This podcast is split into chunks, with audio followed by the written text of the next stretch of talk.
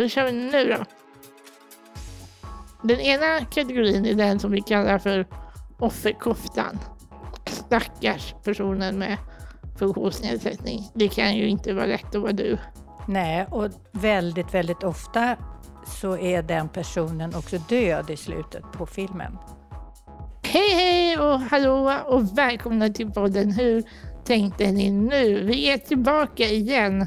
Jag är lite febersjuk och krasslig men det är klart vi vill göra en podd till våra trogna fans i alla fall. Hur är det med dig Anna? Jo, men det är bra med mig. Jag är inte eh, febersjuk eller så. Jag är valpsjuk. Jag ska få hem en valp imorgon. Så jag är väldigt, det är väntans tider. Det är roligare att vara valpgosig än sjuk, helt klart. Ja. Men du, vad ska vi göra? Vad ska vi prata om idag då, Janna? För närvarande så håller du och jag på att prata väldigt mycket om det här med synlighet och representation. Och, för det, det, är ju det här hur ofta man ser en person med funktionsnedsättning som finns med i svensk TV som får kommentera till exempel gängkriminalitet eller, eller prata om odling eller som intervjuas som expert på någonting, till exempel ekonomi. Aldrig, utan det är ju hela tiden att man är funkis enbart. Mm. Så om du är med i TV i ett inslag på Aktuellt så är det med utgångspunkt ifrån att du använder rullstol och det finns ett problem och du ska definiera det problemet och prata om hur det känns. Ska du också känna, prata mycket om hur det känns?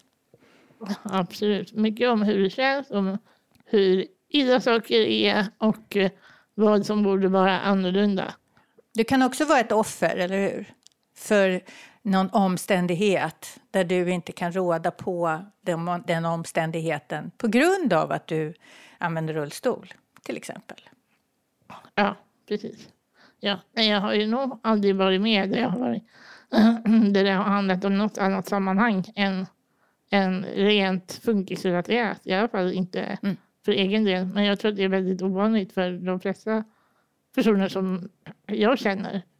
You have Daniel Day-Lewis who I really love. He does a good impression of that kind of disability. One could make the mistake of believing he was really a man with cerebral palsy. And so when the Oscar is bestowed a year later, Daniel Day Lewis in my left foot. And the actor, beautifully coiffed, straight posture, beautiful in every way, goes up for the award, and the whole audience is on its feet. It's like, he doesn't have cerebral palsy after all. Ja, vi har ju tittat på den här amerikanska dokumentären som heter Funkiskoden. Det här är ju ett klipp från den som är väldigt typisk egentligen eh, det, det var, blev väldigt skrattretande. Vi rekommenderar ju verkligen er och alla att titta på den. Men det är ju en scen som handlar om hur det är en mängd olika skådespelare som på olika sätt har gestaltat personer med olika typer av funktionsnedsättningar eh, så långt tillbaka som 40-50-talet till och med. Va? Mm. Och att alla de har vunnit en Oscar för sin gestaltning av personer med funktionsnedsättning utan att själva ha, vad vi vet, någon typ av funktionsnedsättning. Och alla som har varit eh, gestaltat det här på film eh, i huvudroller då, för det, och det är 30-40 stycken, allihopa har fått en Oscar. Och det hon säger i den här illen är att de reser sig upp och jublar, för han har ju inte CP. Precis. Ehm, den handlar ju väldigt mycket om de här schablonmässiga funkisskildringar som, eh, som finns. Ja, och det, och, och det vi tycker också är lite spännande här är ju att uh, det här är inte ens en svensk dokumentär utan det här är en, en amerikansk dokumentär som SVT har köpt in Mm. Säkert för att fylla sin funkiskvot på ändra sätt som vi mm. kallar det. Eh, och, och det som blir så tråkigt är ju att det, det blir den... Dels att det inte är personer som får representera sig själva. Alltså det är inte skådespelande personer med funktionsnedsättning som på något sätt är med i de här filmerna. Men också att det är de här stereotypa äh, rollerna som också mm. presenteras ständigt och förmedlas och har gjort över väldigt lång tid. Och vi har ju tre kategorier som vi benämner dem efter. Ska vi ta dem så att vi, folk får ja. veta vad vi tänker om de här kategorierna? Ja, den ena kategorin är den som vi kallar för offerkoftan. Det vill säga att du har ju varit med om någonting väldigt tråkigt eller jobbigt. Ditt liv är allmänt omständigt så därför så får du vara med och representera stackars personen med funktionsnedsättning. Det kan ju inte vara lätt att vara du. Nej, och väldigt, väldigt ofta så är den personen också död i slutet på filmen. Ja, för det är ju the happy ending, så att säga. Eller det mm. lyckliga slutet är, är, att man dör, är ett vanligt alternativ. Eller att man hamnar på institution. Det är också ett väldigt bra, det är liksom ett bra slut. Heja, heja. Eh, mm. Den andra typen av person vi ser, det är den som vi eh, kallar för eh, inspirationspornografen. Det vill säga rollen som ska inspirera och visa det här mot alla odds så har man eh, lyckats antingen inte dö, vilket vore ju helt förträffligt, eller framför allt bli frisk mirakulöst. Att man helt enkelt inte har en funktionsnedsättning. Och det är, det är karaktär nummer två. Karaktär mm. nummer tre är det som vi kallar för aktivisten. Det vill säga lite den rollen som jag oftast får vara med i, i min yrkesroll. Det vill säga jag pratar om någonting som är viktigt att förmedla eller eh, skandalöst att förmedla som rör funktionshinderfrågor i sammanhang av politik. Och det är de tre rollerna som man oftast ser. Och de gestaltas, de här olika rollerna. Offerkoftan är ju faktiskt nästan den vanligaste skulle jag säga. Inspirationspornografen är ju också en person som finns med. Det är också någon som dör väldigt ofta i slutet. Och, och det är det som oftast blir den personliga berättelsen i olika sammanhang och i olika medier, inte bara i form av eh, liksom dramafilm och sådana saker utan i porträtt i olika sätt i medier så är det alltid offerkofterrollerna som man vill porträttera i olika typer av medier. Mm. I always have this question in the back of my head. Is the person who is playing the person with the disability, do they have a disability? That's the way that goes. I would have to say that for the majority, that's the only contact that people have with the disability community is on screen, and it still makes it a special event. Have you ever been with a girl, Forrest? Sit next to them in my home economics class all the time. Som Forrest säger, har det varit med tjejer förut? Jag sitter bredvid dem hela tiden i i hemkunskapen. Och det är lite så det är med personer med funktionsnedsättning också. Vi finns där någonstans i periferin är vi med. Mm. Men det finns ju lite olika approach till det här med mm. representativitet. Vi, vi, vi var inne och tittade lite på det här med att lite snyggt säga att vi tror att väldigt många kvoteras in för att liksom fylla antingen mångfaldskvoten eller tillgänglighetskvoten på ett eller annat sätt. Och det är väldigt vanligt att man gör så, i, inte bara i film utan i tv-serier och i ordinarie tv-sändningar eller i media i, generellt. Men BBC har ju tagit ett lite annorlunda grepp skulle man kunna säga, eller hur Jana? I, alltså på BBC så har man en hel avdelning som jobbar med inkludering av personer med funktionsnedsättningar på olika vis. Både bakom kameran och i manusarbete och framför kameran i, som programledare eller som nyhetsreportrar. Och, eh, men också då i spelfilm. Eller i, jag tror att många tittar på de här BBC... Serierna som går på tv allt som oftast. Där det kan vara ja, någon sån här forensik-utredare som, alltså det, som använder rullstol eller det är någon som inte ser. Eller, alltså det är ju, och det är inte det som är grejen, utan grejen är vad de gör och vad de kan.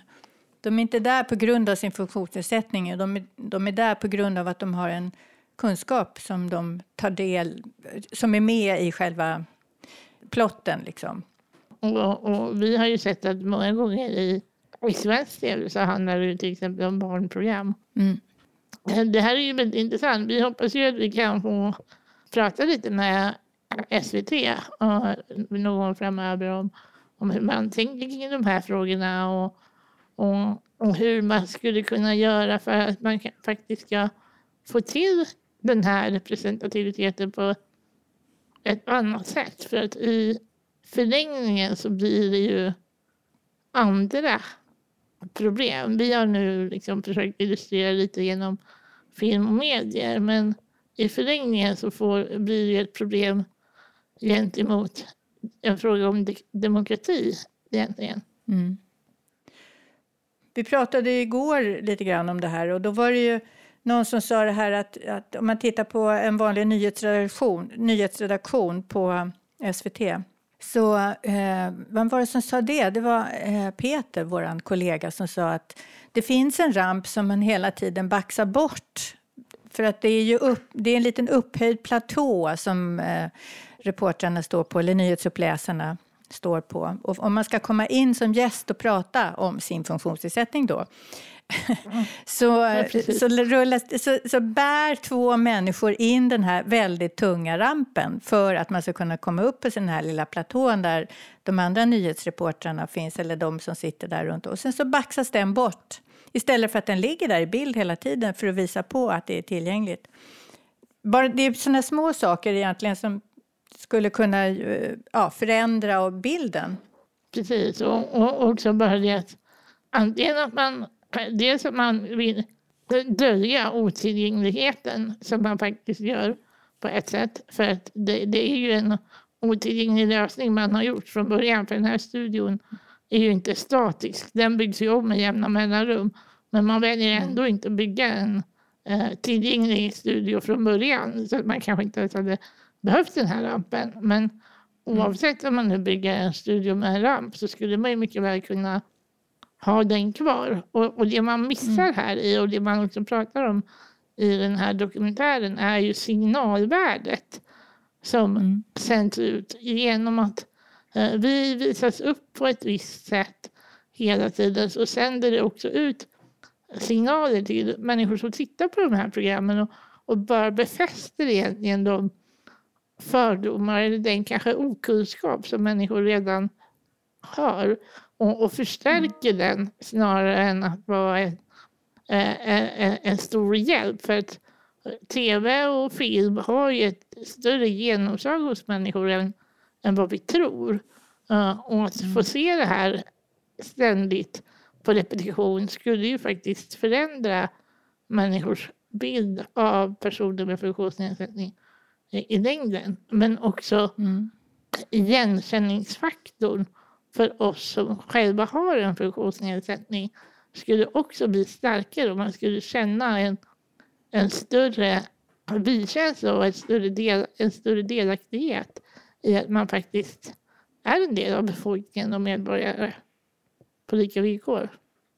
Det här har ju du faktiskt varit eh, du pratat om i en så kallad reklamfilm, eller hur? Det var ju att man just ville påvisa hur ser representation ut i svensk reklam? Och vad, är det för brister som finns i när det gäller representation med olika typer av mångfald? Och, och där berättar ju jag just om, om det här att vikten att kunna återspegla sig själv. Att, att se att det finns andra som jag i olika sammanhang och inte bara just i relation till funkissammanhanget. Vi kan ju lyssna lite på vad det är du säger där. Tre tips till branschen. Eh, det första tror jag är att eh, faktiskt börja rekrytera mer mångfald. Eh, och det handlar egentligen om all mångfald. Så att man får in perspektiv och kompetens i sin egen verksamhet. Mm, det andra tror jag handlar om att jobba med människor som faktiskt har egen erfarenhet. Att eh, ta med dem i processerna, i, eh, i de faktiska reklamfilmer eller ehm, vad det nu är man visar upp på några olika sätt. Eh, sen tror jag också att det handlar om att vi eh, alla behöver umgås mer med varandra och utanför våra ordinarie kretsar. Eh, så att vi också lär känna och veta hur det är att leva med olika förutsättningar. Endast på det sättet tror jag att vi kommer att se de stora möjligheterna och de hinder som kanske finns för att komma vägen fram. Men, men vi var ju inne på det här Janna, just med i, i förlängningen, vad får det för effekt? Och det här är ju en fråga som vi har ägnat ganska mycket tid åt, speciellt när man just nu lyfter det här med att demokratin fyller 100 år.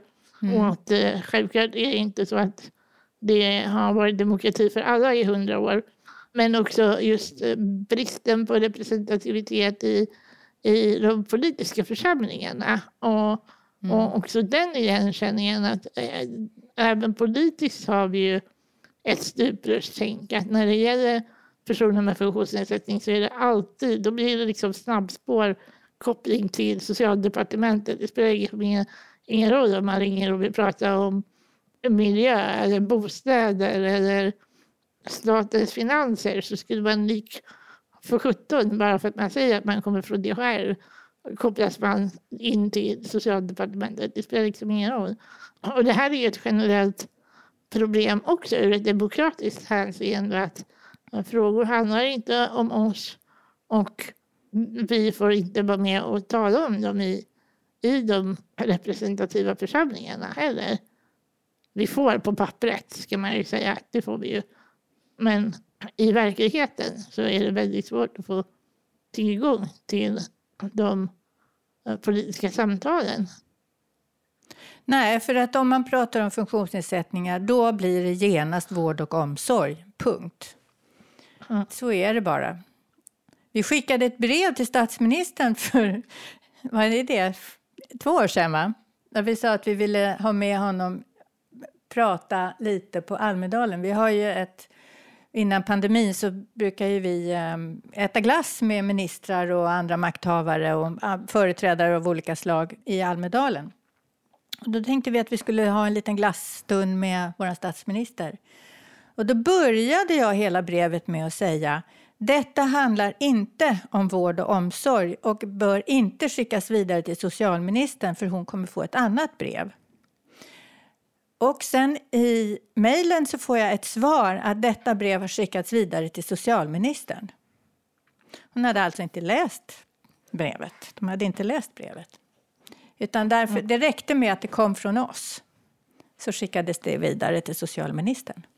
Vi har inget problem med socialministern. Lena Hallengren är en, eh, alldeles, eh, alldeles utmärkt på sin roll säkert. Och, och hon är mm. rätt trevlig. Vi har ju faktiskt inte ätit glass, tyvärr. Det regnade, men vi har ju haft henne med i den här podden och vi har pratat med henne i olika sammanhang.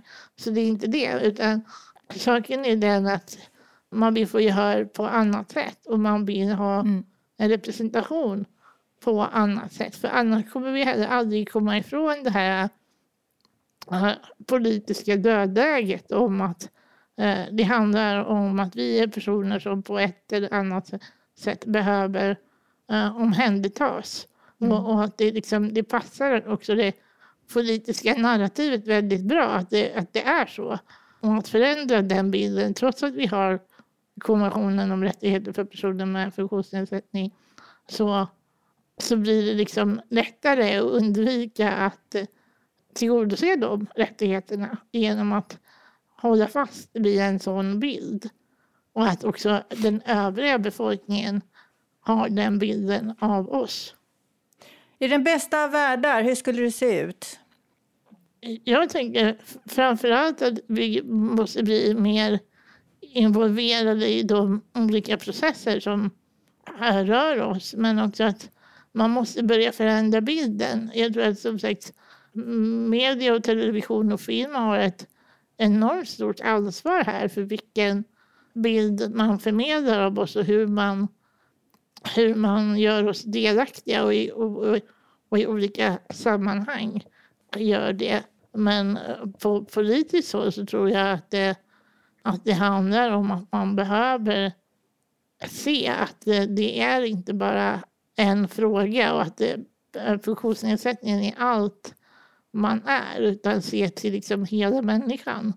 Mm. Sen att, eh, eh, jag vet att vi pratade om det när vi pratade om personlig assistans att vi alla människor har ju likadana behov. Men jag som behöver assistans behöver bara ett annat sätt att tillgodose de behoven för att jag inte kan mm. göra det på egen hand. Uh, och, och, det tycker jag är ganska centralt att, att det handlar om det. Mitt liv ser ju egentligen inte mer annorlunda ut än vad man gör det till. Utan jag kan ju faktiskt vara fullt delaktig och arbeta och, och ha relationer precis som alla andra under förutsättning att jag ges möjlighet till det. Och sen att, man, att det här med representativitet är ju också syn, att den här synligheten, det är inte bara för att du ska se att det finns fler än du. Utan det är också att jag med, mera, med flera som inte har en funktionsnedsättning ska se det som självklart att, att det finns en mångfald. För jag menar, man har jobbat ganska hårt med att få in kvinnor som är representerade i olika sammanhang. Man har jobbat ganska hårt med att människor med olika etniska härkomster finns med i olika sammanhang. Men det är liksom hela tiden en jävla kamp för att det ska bli synligt att, det, att vi är många olika sorters människor. Ja, och, och, och det är ju mm, det är ju också... Jag kan ju se en ganska stor skillnad på den här biten som jag har pratat om förut. Bara det att personer som använder rullstol åker mer kollektivtrafik och använder bussen så har jag märkt att andra resenärer reagerar på ett helt annat sätt idag mot vad de gjorde för flera år sedan när jag inte åkte lika mycket med buss på om jag inte får åka med. Då är det nästan mm. alltid en resenär som haffar tag i, i eh, chauffören och säger hej, hallå, hon ska ju faktiskt åka med. Eller frågar om jag behöver hjälp att komma upp. Så mm. Att vi finns och syns och är med där andra människor är har en otroligt värdefull effekt för mitt faktiska deltagande som vi inte kan sticka under stol med. Ska vi gå tillbaka till den här eh, funkiskoden, den här SVT, som ligger på SVT Play. Om, eh, den, den, är, den är ganska fin i det här med hur, hur man skulle önska att det var. Uh, vi kan lyssna lite på det. I think that the image, the, the screen image, whether it's still or moving, is the sole definer for the general population of disability. That is it. And therefore, our job as disabled people is to become in a position of enough power to be able to, to input into that imagery. We, we need to get Hollywood to help us be real because they spent far too much time pretending that we're not real and convincing other people of that. Ja, han säger att eh, man måste bli verklig. Och att eh, vi behöver, vi, hela funkisrörelsen behöver hjälp. Han säger av Hollywood, Precis. men vi behöver ju det av, av SVT, vi behöver det av hela public service, vi behöver det av hela samhället. Att eh, synas. Och att vi behöver manifestera oss på det sättet som, ja, som vi försöker göra nu. Ja, och att, vi, och, och att synas på rätt sätt. Ja, för, för, för att vi har visat på fel sätt så vansinnigt länge och, och, och det kan vi liksom inte fortsätta göra. Nej. Hörru du, Karo. Ja. Tack för den här gången. Tack för den här gången. Vi kommer, vi kommer säkert komma tillbaka till det här ämnet framöver på olika sätt. För det är så otroligt viktigt. Det är det. Och som vanligt så skulle vi naturligtvis vilja få lite input från er som lyssnar. Om ni har lust så kan ni mejla oss på hur snabbeladhr.se eller på vår hemsida eller på vår eh, Facebookgrupp, samma namn. Hur tänkte ni nu? Eller bara dela, dela, dela så att det är fler som får lyssna på vad vi säger. Vi hörs igen. Ha det fint. Hej! Hej då! Hur tänkte ni nu? är en podd från DHR. Ansvarig utgivare, Janna Olsson. Hur tänkte ni nu produceras av Filt Hinterland för DHR.